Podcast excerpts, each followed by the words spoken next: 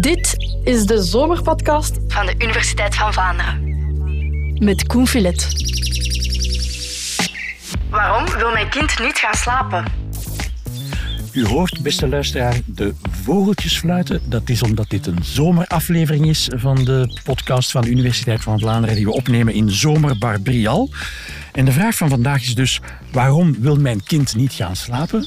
Mijn kind is ondertussen het zijn dertigers, dus die gaan wel slapen. Of ik, het zijn mijn zaken niet meer of die gaan slapen. Maar ik herinner het mij wel. Waarom wil mijn kind niet gaan slapen? Dat is een probleem waar heel veel jonge ouders mee zitten. En professor Carlien Dont is een kinderslaapdeskundige. Hoe, hoe is dat dan officieel, professor? Ik ben opgeleid als kinderpsychiater, maar ik ben inderdaad een slaapexpert, zoals je dat zou kunnen noemen. Bent, Ja, u, bent u ook moeder? Absoluut. Ik Van- heb twee kinderen en ik had ook een slechte slaper. Maar ze, en ze zijn ook volwassen. dan Ze natuurlijk. zijn ondertussen volwassen. En ja. ook een slechte slaper. Ja, absoluut. Dus het overkomt ook psychiaters dat een Zeker, kind... zeker. Je zou denken, daar verloopt het eh, probleemloos, maar dat is niet zo. Nee hoor. Waarom wil een kind... Eigenlijk zijn er twee vragen. Hè? Waarom wil een kind niet gaan slapen, is inderdaad een, een, een vraag. Maar dan, eens het in zijn bed ligt, gaat het niet in slaap? Of wordt het wakker s'nachts? Uh, waarom wil het kind niet gaan slapen? Dat begrijp ik nog wel. Er gebeuren zoveel interessante dingen overdag dat je denkt van deze dag mag nooit stoppen. Is dat het antwoord op die eerste Zeker, vraag? dat is zeker ook al een, eh, een, goed, een goed argument. Hè. Maar als je nog een beetje jonger gaat, dan heb je ook vaak... Ja, de leeftijd speelt wel een rol. Hè. Bijvoorbeeld waarom jonge baby's plots, waar ze doorsliepen, de nacht doorsliepen, plots op de leeftijd van 9, 8, 9 maanden niet meer kunnen doorslapen, is omdat ze op dat moment een heel goed besef krijgen van het is niet omdat mama of papa niet in mijn buurt is, Ja. ze niet kan zien dat ze er niet zijn. Hè. Dus als ik op dat moment toch wel wil dat ze bij mij komen, dan hoef ik ze te roepen, te huilen. Hè. Ah, ja, En dan komen ze wel. Hè. Dat is eigenlijk een, men noemt dat objectconstantie, in, in een moeilijk woord. Maar dat betekent eigenlijk dat een kind ontwikkelingsmatig in staat is om te beseffen. Het is niet omdat ik het niet zie, Ja, dat het ja. er niet is. Dat- dat en dat is heel belangrijk ook eh, in het alleen in bed gaan Precies. slapen. Ja. Dus je moet als ouder een beetje blij zijn dat ze dat beginnen door te hebben. Dat is de normale ontwikkeling van Dat je is een normale ontwikkeling. Ja. Maar het wordt natuurlijk wat lastig als dat ook s'nachts gebeurt, bijvoorbeeld. Hè? Mhm. Ja. Of als dat aanhoudend gebeurt in de, in de avond, wanneer je als ouder ook een beetje rust wil. Eh, Of een avond met jou en je partner samen wil, dan durft dat wel eens moeilijk lopen. Maar dan zijn we dus al zes maanden ver, geloof ik. Hè? Ja, klopt. ons een, een klein beetje terugkeren nog naar nog jongere kinderen. Als ik het goed begrijp, slapen moet je leren. Ja. Zoals je alles moet leren als Ja. je net geboren Ja, bent. absoluut. Hè. Je slaaphormoon dat je maakt, hè, melatonine, daar komen we daar misschien zelfs nog op terug, dat is er pas na een zestal maanden. Dus je slaap-waakritme, dat leer je eigenlijk naderhand. En dat heeft ook heel veel te maken met je voeding. Hè. Dus een kindje wordt wakker, waarom? Omdat het ja, tekort aan suikers heeft en moet gevoed worden. En de eerste zes maanden ja, moet dat lichaam gewend raken. eh, ook aan het feit dat het voeding krijgt. eh, dat het slaapjes doet overdag en dan ook wel weer wakker is. En omgekeerd tijdens de nacht is het net hetzelfde. Dus eigenlijk dat bioritme, dat, ja, dat natuurlijke ritme, dat, dat begint zich een beetje te stabiliseren Ja. vanaf zes maanden. Precies. Dus als je een kind hebt ja, dat, dat voor zes maanden niet de hele nacht doorslaapt, ja, dan Dat heb je een beetje pech. Ja, En maar dat dat, is wel helemaal normaal. normaal. Ja, Ja, vanaf normaal. wanneer is het niet meer normaal? Vanaf wanneer heb ik als ouder recht van klagen? Ja, ik denk zo wanneer je die objectconstantie begint te zien, 7, 8, 9 maanden, en je voelt van, goh, dit kind heeft eigenlijk al een poos geen voeding meer nodig, maar begint opnieuw voeding te vragen, omdat het Ja. dan echt bij mij wil zijn en dat je echt wel weer een momentje samen hebt.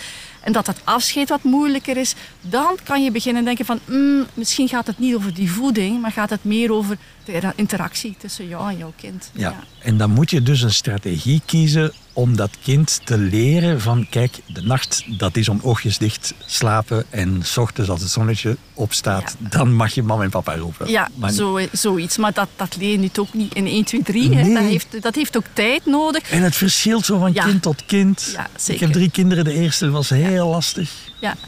Ik, ik denk dat je vooral rekening moet houden met het temperament ook van je kind. Met je eigen temperament. Want ja, de een, wat ik eigenlijk vooral wil aangeven is zo een, advies voor iedereen. Dat bestaat niet. Hè. Als je echt iets wilt doen, omdat je het een probleem vindt, hè, want het kan ook zijn dat je echt uitgeput raakt en dat je ook echt heel erg moe bent, en dat het ook goed is dat je kind ligt doodslapen, zeker eens je kind ouder is dan één jaar, Maar dat je dan ook een, een aanpak kiest dat ook bij jouw kind past. En ook bij jezelf als ouder of bij jezelf als gezin. Hè. En dan, Ja. dan moet je echt een beetje op maat gaan werken. Hè. Een plan op maat.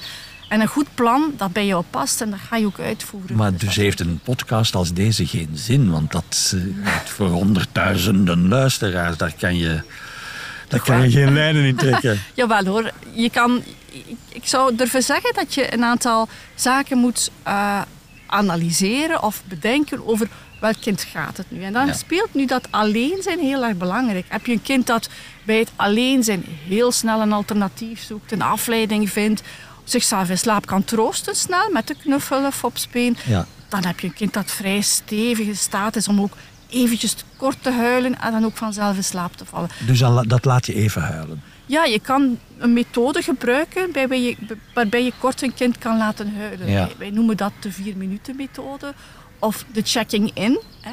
Ehm, dan ga je heel kort bij het huilen vier minuten wachten. Ga je naar je kindje toe, ga je het even troosten, laat je weten dat je er bent. Net omdat dat alleen zijn en toch mama is er of papa is er nog, dat je dat probeert een beetje te leren, dat het kind zichzelf leert troosten, maar dat je toch een beetje afstand al neemt Ja. na, nadat je getroost hebt, of ja, kan- kind is misschien nog niet helemaal rustig, maar je kan alweer naar buiten gaan en dan wacht je weer vier minuten. Professor, Ja, vier minuten huilen, ja, dat is lang hoor. ja dat is lang, ik weet het. Ik bedoel, voor Ja. dat kind is dat lang, maar voor de ouder, Ook. dat is ook lang hè. ja, ja, Je moet stopjes in je oren steken ja. en, En, en dat is heel en belangrijk. van je hart een ja. steen maken. Ja, je moet een plan hebben. Als je zegt, ik ga dat nu eens proberen, dan weet ik eigenlijk op vooraf al, dat gaat niet lukken. Je moet weten dat bijvoorbeeld de eerste nacht, de tweede nacht, dat dat best een uur kan duren. En dat is best heftig. Hè? Een, een uur van vier minuten Ja, huilen, ja, even naartoe, terug naar buiten, opnieuw inderdaad. vier minuten huilen. Ja, ja, dus dat duurt wel even. En je Dus- bent dan geen slechte ouder. Als Nee, je die... je bent geen slechte ouder. Nee, en dat wil ik heel erg duidelijk maken. Dat je dat, omdat je dat zelf, ik noem dat ook gecontroleerd huilen, omdat je er wel bent en je ook je aanwezigheid toont en ook, ja, ook fysieker bent. Hè. Ehm, maar belangrijk is dat je dat ook heel erg afbakent in de tijd. hè. Ik leg aan ouders uit, doe dat één week, Ja, maar niet langer. Zeker als je twijfelt van, goh, misschien is mijn kind wel angstiger en zal het zichzelf niet zo makkelijk leren troosten, dan heb je nog de kans om daar ook mee te stoppen en dat niet ja, in het oneindige te gaan doen, waarbij ja, je kind Nee. uitgeput raakt, jij Je uitgeput komt raakt. tot de conclusie, dit is niet de juiste methode Ja. voor mijn kind. Bijvoorbeeld. Hè. Natuurlijk, ja, het beste dan- is als je dat weet vooraf. Ja. Dit is niet voor mij, ik wil dit niet doen als ouder, ik ga dat niet volhouden. En dan moet je het op een langzamere manier doen. En dat is een andere manier dan die vier minuten methode Ja. bijvoorbeeld. Ah ja, er is nog een tweede methode. Ja, dus de checking in is eigenlijk heel kort, zou je kunnen zeggen, en krachtig. En kan ook op een week opgelost zijn. Dus dat klinkt een beetje ja, eh, ongeloofwaardig, maar toch is dat zo. Maar als je zegt, van, kijk, mijn kind is toch iets angstiger. Ik kan dat als ouder ook niet aan. Eh, ik ben zelf misschien ook wat angstiger als persoon of ongeruster. Dan moet je daar ook niet mee beginnen. Nee. En dan ga je een andere methode doen en we heten dat de camping out. Camping, dus- ja. camping out. Ja, je, je blijft in de kamer voor het inslapen, Ja. maar je gaat letterlijk de afstand groter maken. Dus daar waar je in het begin misschien naast je kind lag om het in slaap te troosten, En het handje vasthouden. handje vasthouden, kan je al zeggen, kijk, de komende week of twee weken ga ik ernaast zitten en ik ga mijn hand op de buik leggen. Of op de matras, of een vingertje vasthouden. Of met een knuffel tussen, hè, zodat we op die manier verbonden zijn. En dan ga je letterlijk, als dat ja, met verloop van tijd geeft dat weinig weerstand en raakt een kind daaraan gewend, kan je dat gaan opschuiven. Dan ga je de stoel opschuiven. Ga je een meter van, de, van het bed zitten. Maar heel belangrijk is, is dat je niet meer terugkeert. Ja?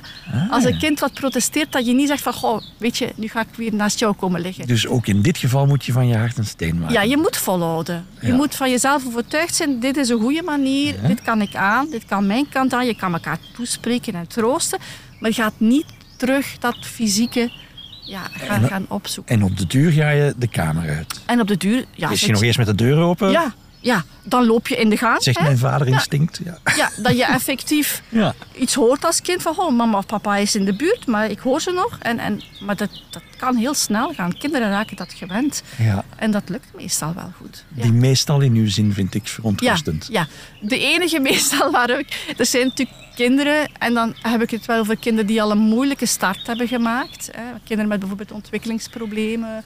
Kinderen die heel vaak ziek geweest zijn, ook in het ziekenhuis hebben gelegen. moeilijk eh, andere regulatieproblemen hebben, zoals moeilijk eten, eh, moeilijk tot rust komen overdag. Dat zijn kindjes ja, die toch wel wat meer zorg Ah, nodig ja, hebben. ja. Waarvan ik toch denk van, goh, raadpleeg een, een, een expert of iemand of een psycholoog die dat samen kan doen met jou. Want dan heb je echt wel een, een plan op maat nodig. Maar dan zit je met kinderen met onderliggende problemen. Ja, dan zit je niet meer met, met doorsnee Nee, kinderen. nee, nee. En ja, maar wat kan een psychiater of een arts dan nog doen? Kan die dan een slaapmiddel voorschrijven? Nee, dat, dat gaan we niet doen. Ik hoop Nee, het. nee, of, nee, nee, toch niet. Nee, we gaan natuurlijk ook kijken of er onderliggend iets is. Ah ja, het maakt- onderliggende Ja, probleem oplossen ja, en dan volgt ja, het slaapprobleem. Ja, bijvoorbeeld eh, kinderen met een autisme-spectrumprobleem. Bijvoorbeeld.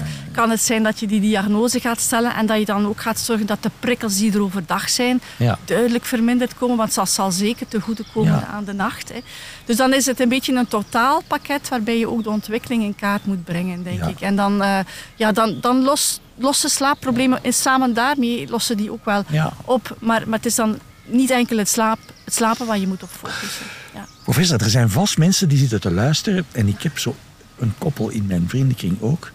Die het eigenlijk te ver hebben laten komen. Ik ken mensen waarbij de kinderen al tamelijk oud zijn. En die slapen nog altijd in het bed van hun ouders.